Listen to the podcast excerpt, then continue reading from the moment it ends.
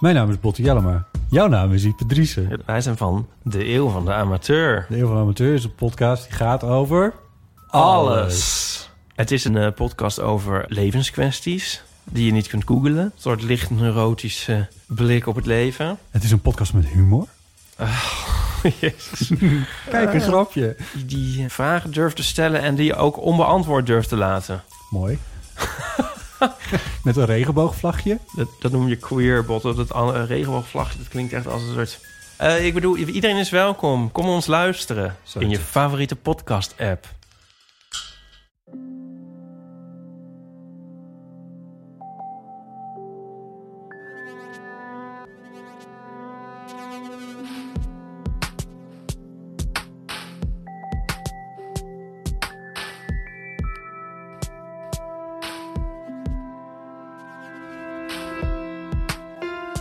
Hey, ik ben Pieter van Relaas.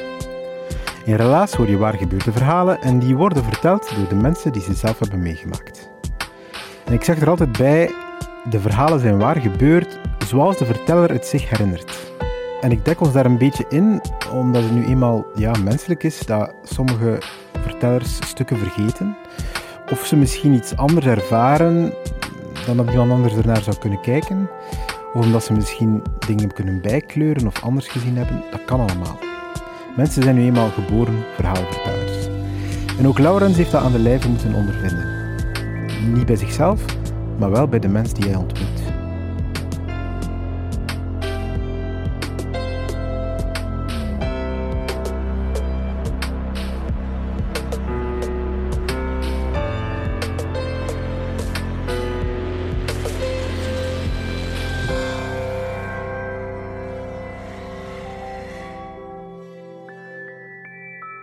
Als laatste jaar student in Gent kreeg ik de kans om op Erasmus te gaan. Eh, het eerste semester eh, mocht ik naar het zuiden van Spanje gaan. Het zuiden van Spanje, in Córdoba, ehm, daar ging mijn avontuur beginnen in september. Ehm, voor de mensen die Córdoba niet kennen, dat is eh, een typische toeristische trekpleister. Nauwe straatjes, grote pleinen, terrassen, goedkoop. Dat was ook al een, eh, eh, een motivatie om, dan, om, om te gaan daar. Ehm, fijne mensen, vriendelijke mensen en eigenlijk altijd super warm. Het was daar schroeiend heet. Het was daar 30, 35 graden als ik daar was. Ehm, ik mocht daar dus een semester zitten en ik woonde in een, eh, in een casa. Casa de los Once was de naam. Vrij vertaald is dat eigenlijk eh, Huis van de Elf. En we woonden daar met andere Erasmussers. Er zaten daar Fransen bij. Er zaten daar Duitsers bij, Italianen en zo verder. En eigenlijk waren we wel echt een goede klik. Ehm, het was zo dat we elke avond kookten eh, voor elkaar. Dat we, dat we ook altijd Spaans praten, want dat was echt wel een regel eh, in het huis, dat je zo echt die taal onder de knie hebt. Ehm, en eigenlijk hebben we toch ja, een, een fantastische periode eh, daar gehad. Nu, dat huis, we woonden dan met elf, dat, was ook wel, eh, dat huis was ook wel wat gekend onder de Erasmussers, eh, die daar ook in Córdoba zaten, dat dat zo'n feesthuis was. We hadden een patio. Een patio is eigenlijk een soort van ehm, terras, overdekt terras, omdat het zodanig warm is dat je daar even op adem kan komen over de, in de namiddag en zo verder. Dus dat was eigenlijk een ideale plek om daar leuke feestjes te organiseren en heel veel mensen te leren kennen. En dus ja, ik kom daartoe met mijn valiesje in dat huis. eh, fantastische eh, ontmoeting met heel veel nieuwe mensen. En ja, dat huis was een beetje een vibe. Ja. Je leerde elke dag nieuwe mensen kennen. Heel fijn om daar eigenlijk eh, te vertoeven. En ehm, ja, je leefde was zo in een bubbel, laten we het zo noemen, eh, dat je... Dat je, ja, de, de, elke dag was iets nieuws. Eh, je wist niet wat je ging tegenkomen. eh, dus ja, we ook niet zoveel les, dus dat, komt er ook, dat was ook wel handig meegenomen. En ik denk, het zal midden november zijn, dat er in mijn huis opeens de bel gaat. En ik herinner me nog goed, ik doe de deur open en ik zie daar een jonge gast staan. Eh, ik denk dat hij ongeveer mijn leeftijd was. eh, 26 jaar dan in de tijd, 25, 26 jaar. Ehm, en hij zei van, ja, kijk, eh, in het gebrekkig Nederlands van, kijk, ik ben ook een Belg. Eh, ik ben hier eh, gez- gezonden geweest door een paar mensen hier verder in de straten die zeiden dat er hier ook een Belg woont. Ik ben Laurent en ik kom hier met mijn fiets. Ehm even langs, omdat ik hier graag eh, zou willen blijven slapen. Ik vond dat een beetje raar verhaal, maar je vertelde, ja, ik ben eigenlijk op roadtrip uh, met mijn fiets. En ik doe een hele tour over heel Europa. En uh, ja, ik, ik heb eigenlijk geen geld bij me. En ik leef op de gastvrijheid van andere mensen. Dus met andere woorden heb ik, ben ik al een klein jaar onderweg. En ga ik overal naartoe met mijn fiets. En uh, zie ik, bel ik aan bij de eerste beste huizen dat ik tegenkom om daar te overnachten en hopelijk daar ook nog iets te eten en zo verder. Nu, ik vond dat zelf als student een strafverhaal en met de context van, van die Erasmus-bubbel was dat zeker geen probleem. Uh, Laurent mocht binnenkomen um, en mocht zo lang blijven als hij wil in ons huis, want nog een extra zetel op overschot, dus dat was zeker geen probleem voor hem. Dus zo gezegd, zo, gezegd, zo gedaan, uh, Laurent binnengenomen. Um, nu, Laurent die had, maar een, een ja, had een, eigenlijk een schommele fiets. Uh, je kon niet zeggen dat hij al een jaar met zijn fiets onderweg was, want ja, die fiets dat is eigenlijk een goede stadsfiets voor een Gent, maar niet voor, uh, voor heel Europa door te, te gaan. Um, en ja, je had ook maar een klein rustzakje bij, dus ook niet echt voor te zeggen dat hij als een, als een reiziger uitgedost was. Uh, dus ik vond dat wel wat vreemd, maar dat maakt het verhaal nog straffer. Uh, want hij vertelde dat hij ooit, uh, ja, ik denk een klein jaar geleden, vertrokken is met zijn fiets en zo helemaal door, ja, door Europa gegaan. Dus Duitsland, Italië, heel de laars afgereden en zo verder. En hij had ook een kaart bij hem dat hij toonde waar hij allemaal al geweest was. en een potloodlijntje zag je eigenlijk een mooie, de mooie contouren van Europa waar hij geweest was. En nu is hij dus in Spanje aangekomen bij mij. Um, ja, ik, ik, ik liet uh, Laurent de andere huisgenoten kennen van, uh, van in mijn huis en, en dat was direct een goede klik. En ik zei ook tegen hem, kijk, ik ga hem uh, Cordoba laten zien, dus echt als een toerist in de stad. Um, zijn we dus de, het, het, centrum allee, het centrum uh, gaan verkennen. En we zijn naar de Mesquita geweest, dat is een kathedraal die daar uh, was, een heel bekende kathedraal. We hebben overal gewandeld. We zijn op café geweest, op restaurant en zo verder. Maar Laurent, natuurlijk, zoals hij zei, had geen geld. Nu, geen probleem voor mij. Ik was daar student. en ja, het leven was er zodanig goedkoop dat ik gewoon zei, ja Laurent, eet je maar een bordje mee hier, hier en daar. Uh, ik trakteer je wel wat drank die avond, dus zeker, uh, daar hoeft, hoeft hij zeker niet mee in te zitten. En uh, uiteindelijk, ja, Laurent bleef niet één nacht, maar bleef drie nachten bij mij plakken, eigenlijk, om het zo te zeggen, in ons huis. En bouwde ook een, een, band op met de andere huisgenoten, dus dat was eigenlijk heel fijn om, om Laurent bij ons, bij ons te hebben. Nu, um, ja, op een dag, op een avond, zei Laurent van kijk, ja, ik ga, ik ga vertrekken naar het volgende dorp, hier een beetje verder, uh, om zo dan verder mijn, mijn, uh, mijn, uh, mijn reis verder te zetten. Wat je ook nog moet weten van Laurent, wij hebben ook wel die drie avonden dat hij bij ons was, was geweest, heel veel over thuis gepraat, over het feit dat hij zijn familie en zijn vrienden miste. En ik had, dat, ik had datzelfde gevoel een beetje, omdat ik wel op Erasmus zat en ik zat op die, in die bubbel van Erasmus. Maar ik miste ook wel mijn vrienden in Brugge en in Gent. En, en ja, dat, we hadden wel heel wat raakvlakken. En hij was even oud, hij was ook een Belg. Hij had een fantastisch verhaal nu. Uh, dus ik vond, dat, ik vond dat wel echt iemand om, om, om een langdurige vriendschap mee op te bouwen. En dat is ook zo gebleken. Um, op die laatste avond, is, wanneer dat hij vertrok, hebben wij ook nog uh, gsm-nummers uitgewisseld. Hebben wij nog uh, op Facebook eigenlijk vooral contact gehouden. Um, en heb ik hem ook nog een broek gegeven, omdat zijn broek zodanig gescheurd was van op dat zadel te zitten, dat hij eigenlijk gewoon echt een nieuwe broek nodig had. Uh, en met, met die broek is hij dan eigenlijk ja, de avond in uh, weggefietst van mijn, van mijn casa in Erasmus, uh, in, in Cordoba liever. Um, en um, en vertrok hij verder op avontuur. En dan, ja, mijn Erasmus-periode ging verder in november, december. En af en toe stuurde ik wel een keer een berichtje via Facebook van ja, waar zit hij nu, Laurent? Hij liet weten ook van ja, kijk, ik zit hier nu in Frankrijk of ik zit nu dit en daar. En, en ja, je vertelde ook wat dat hij had meegemaakt. Hij had onder andere een nieuwe fiets uh, gevonden en zo verder. En we bleven zo wel in contact tot, denk ik, ja, um, ja de januari, deze, februari uh, is dat contact ook Ik denk dat we dan in, ja, een beetje verder in de tijd gaan. We gaan dan eind april, begin mei zijn. Dat ik uh, ja, al even niet meer van Laurent, niets meer van Laurent had gehoord.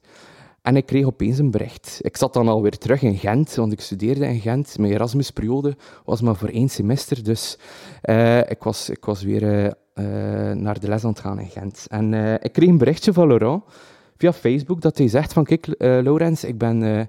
ik kom, ik kom binnenkort toe in Brugge, eigenlijk morgen al. En ik vroeg me af of dat je een slaapplaats hebt. Nu, heel fijn om Laurent opnieuw te horen. Ehm, en ik stuurde terug van, ja, kijk, ja, Laurent, het gaat een beetje moeilijk gaan, want het is een werkdag, een werkweek liever. Um, het is, het is een, weekdag liever uh, en ik heb les de volgende dag. Ik zit in Gent op kot, dus ik kon niet echt naar Brugge gaan, naar mijn, uh, mijn hometown. Maar geen probleem, ik heb aan een stiefbroer die ook in Brugge woont. En die woont eigenlijk in een fantastisch mooi huis in het centrum. En hij is ook een coachsurfer. En ik denk dat hij zeker gaat openstaan om iemand te ontvangen. En uh, zo gezegd, zo gedaan. Ik heb dan contact opgenomen met mijn stiefbroer. En dan is, is Laurent eigenlijk de volgende dag uh, bij mijn stiefbroer uh, terecht kunnen, kunnen uh, gaan om, om daar te overnachten en om daar ook nog uh, zelf op café te gaan met mijn stiefbroer. Heeft daar ook nog een paar uh, trappisten gedronken in een bruine kroeg in Brugge. Maar opnieuw, ja, Laurent had ook geen geld, dus voor mijn stiefbroer was het ook wel raar dat je een, een, drankje gaf dat je dan ook niets terugkreeg. Maar bon, het was een, deel van zijn ervaring, dus geen probleem. Um, dus ja, Laurent had eigenlijk een fantastische avond had in Brugge. En de volgende dag ging hij naar Gent. Um, en uh, ik herinner me nog goed, ja, we zijn dus ja, eind april, begin mei. En ik zie Laurent nog met zijn fiets de volgende dag toekomen in het centrum van Gent, waar ik dan op kot zat. En uh, we vlogen eigenlijk als twee oude kameraden, kameraden in elkaars armen. En uh, gaven elkaar een goede knuffel. En dat was eigenlijk ja, een beetje een moment dat we elkaar weer terugzagen, dat we, dat we weer blij waren om, om, om een oude bekende tegen te komen.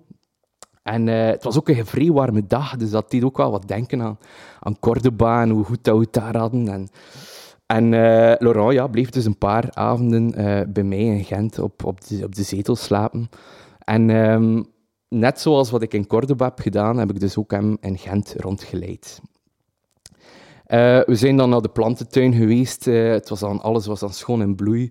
Uh, we zijn ook bijvoorbeeld naar op de bootjes geweest aan de graslei. Iets dat ik zelf als student nog nooit gedaan had in mijn eigen studentenstad.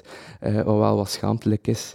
maar eigenlijk gewoon de toerist uit te hangen in Gent. En, en zo ja, eigenlijk een fantastische dag en fantastische dagen met elkaar gehad. En opnieuw, de, de avonden waren gevuld met lange conversaties over over uh, hoe, dat, hoe dat hij hem voelt en wat het hij meegemaakt heeft op reis, uh, op zijn avontuur. En hij liet ook wel af en toe een keer uitschijnen dat hij zei van, kijk, ja, ik, ik mis echt wel thuis. Dus ik ben nu eigenlijk, ja, ik heb nu heel mijn tour gedaan. Ik kom binnenkort uh, thuis in Wallonië, want hij was, was van Wallonië. Um, en ik kijk daar enorm naar uit om, uh, om mijn ouders terug te zien. En dat was eigenlijk heel fijn om dat te horen. En ik was ook wel heel blij voor hem dat hij na anderhalf jaar, want hij was dan al ja, 15 maanden, 16 maanden onderweg, dat hij dan opnieuw thuis ging komen. Dus ik had al in mijn hoofd dat dat een, een groot volksfeest daar gaat zijn in, een, in dat Waals dorpje waar hij woont. En, en dat iedereen daar enorm naar uitkeek. En um, ja, de, de, de dagen gingen voorbij. Um, en uh, in Gent, en, en dan opnieuw uh, het volgende gesprek was, ja, ik ga weer vertrekken. Ik ga richting Brussel zo naar huis gaan om binnen een paar dagen liefst op moederdag thuis te komen bij mijn moeder. En mijn familie. En uh, met die woorden vertrok hij opnieuw van Gent zo via Brussel dan naar huis. En dan heb ik even niets meer van hem gehoord, een paar dagen. En ik kreeg op een dag een telefoon van mijn stiefbroer. En mijn stiefbroer vertelde van, kijk Laurens, hij had nieuws gekeken, want uh, Laurent is in het nieuws geweest. En dat was wel even schrikken. Ik dacht zo van, hmm, uh, ik had al zo wat doemscenario's in mijn hoofd van, uh, misschien is er iets gebeurd met Laurent, is hij, is hij misschien verongelukt met zijn fiets, of, of gewoon een feel-good documentaire over zijn, zijn avonturen. Hij is anderhalf jaar onderweg geweest. dus dat kon ik van alles zijn. Uh, maar mijn broer doorprikte wat die gedachte en zei tegen mij van ja, Laurens, um, Laurent, die heet eigenlijk niet Laurent, dat is eigenlijk een andere persoon. En opeens slik, oeh, ik, ik begreep niet wat dat hij zei. En ik, ik, leg af en, en ik, ik ging naar, naar mijn computer en begon begon eigenlijk via Google eh, op te zoeken van ja, eh, eh, zijn naam in te typen, zijn echte naam in te typen. En dan zag ik op een moment ja, een artikel in de krant eh, met de kop een vermiste Belg duikt na 15 plots thuis op moederdag, na 15 maanden. Dus ja, Laurent was eigenlijk een anderhalf jaar als vermist opgegeven in België. En zijn ouders waren ervan overtuigd dat hij, dat hij zelfmoord had gepleegd. En ik had wel het gevoel dat Laurent altijd wel een duister kantje had, maar dat, ik, dat had ik absoluut niet zien aankomen. En ik las verder in dat artikel wat dat er nu gebeurd is. En ja, wat was, wat was de situatie? Laurent voelde zich niet goed in België. Ja, hij was depressief en sterker nog, hij wou eigenlijk gewoon zelfmoord plegen. Hij wou eigenlijk een einde maken aan zijn leven. En op een dag schreef hij dus een afscheidsbrief voor zijn, voor zijn ouders en zijn familie.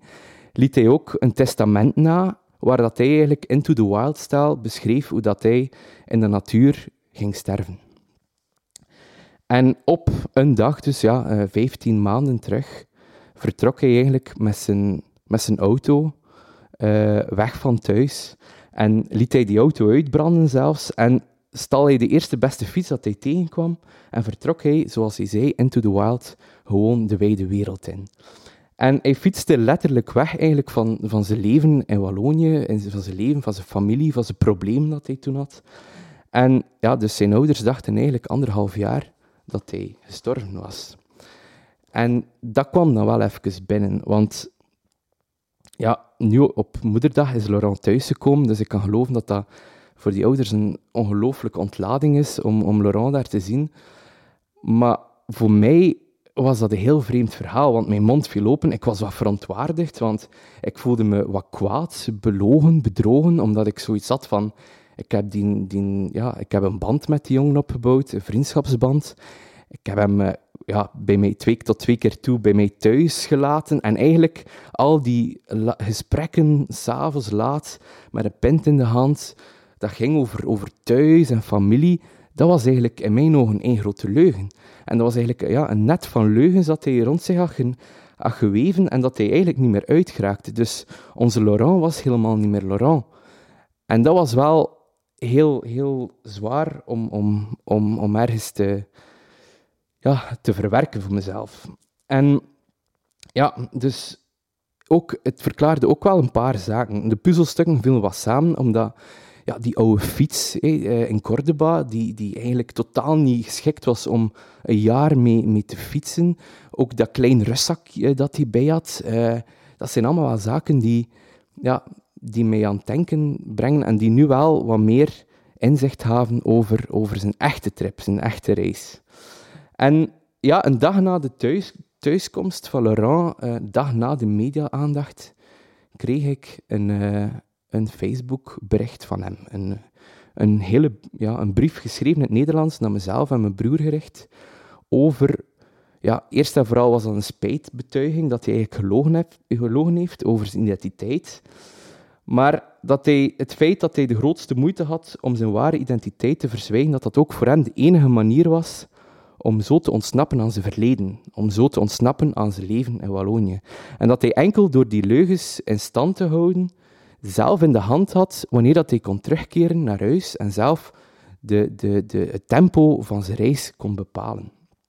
En verder in die brief bedankte hij nog ons voor, ja, voor, voor onze gastvrijheid en ook de gastvrijheid van, van die honderden andere mensen. En dat hij via die reis opnieuw zelf, zelfvertrouwen teruggewonnen en opnieuw gekozen om te leven. En dat maakt het verhaal ook wel mooi. En die brief trouwens, dat heeft hij gestuurd naar alle mensen dat hij overal heeft verbleven. Dus overal waar hij ging, vroeg hij wel notice, eh, noteerde hij eigenlijk wie dat ze waren en het adres en e-mailadres, om zo ooit die brief te sturen, die brief dat ik nu in mijn Facebook-inbox kreeg. En die kwaadheid, mijn eerste gevoel, ging eigenlijk wel naar begrip. Begrip omdat ik besef dat die reis voor hem de enige optie was om de banden van zijn, zijn, zijn leven in Wallonië door te knippen en helemaal een keer opnieuw te starten. Een soort re- reset-knop indrukken. En op die dag van de verdwijning koos hij uiteindelijk niet om te sterven, maar koos hij om te leven. En nu begrijp ik hem, nu begrijp ik ook zijn verhaal. Ook die leugens neem ik er ook wel bij. En ja, dat verhaal doet je op, over zoveel zaken nadenken. Ehm, en ik hoef op zich niet te weten waarom dat hij vertrokken is vanuit Wallonië, of vanuit zijn, zijn, zijn thuis eigenlijk. En, en, en dat zijn zeker mijn zaken niet, maar nu begrijp ik echt waarom dat hij die trip gedaan heeft. En ik vind dat een heel mooi, een mooi symbool dat hij eigenlijk door die trip gekozen heeft om te leven en gekozen heeft om een andere weg in te slaan, om zo zijn leven opnieuw uh, op de rails te krijgen. En uh, Laurent, mijn deur gaat steeds voor je openstaan, dat weet je.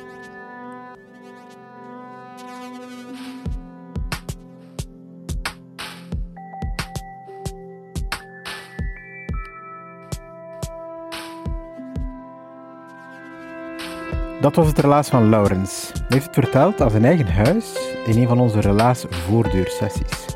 En daarbij gingen wij met relaas coronaproof bij jou langs aan je deur om je verhaal te vangen. En nu we weer live vertelavonden kunnen organiseren, zal je er in de toekomst misschien wat minder van horen van die voordeursessies. Maar zeg nooit nooit, hè. we variëren graag eens. En waarom eens niet langskomen bij jouw voordeur? We zoeken trouwens altijd nieuwe verhalen. Hè. We zijn op verhalen rooftocht als het ware. In Gent, Antwerpen en dus nu ook in Brugge.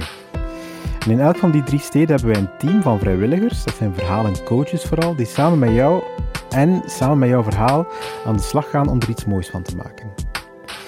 En als je er dan helemaal klaar voor bent voor dat verhaal, en onze coach vindt dat ook, dat het uh, goed is en dat het klaar is om te verteld te worden, dan kan je je verhaal loslaten op de wereld. Dat kan aan je voordeur of op een van onze relatievertelavonden, waarbij dat je het aan een live publiek vertelt.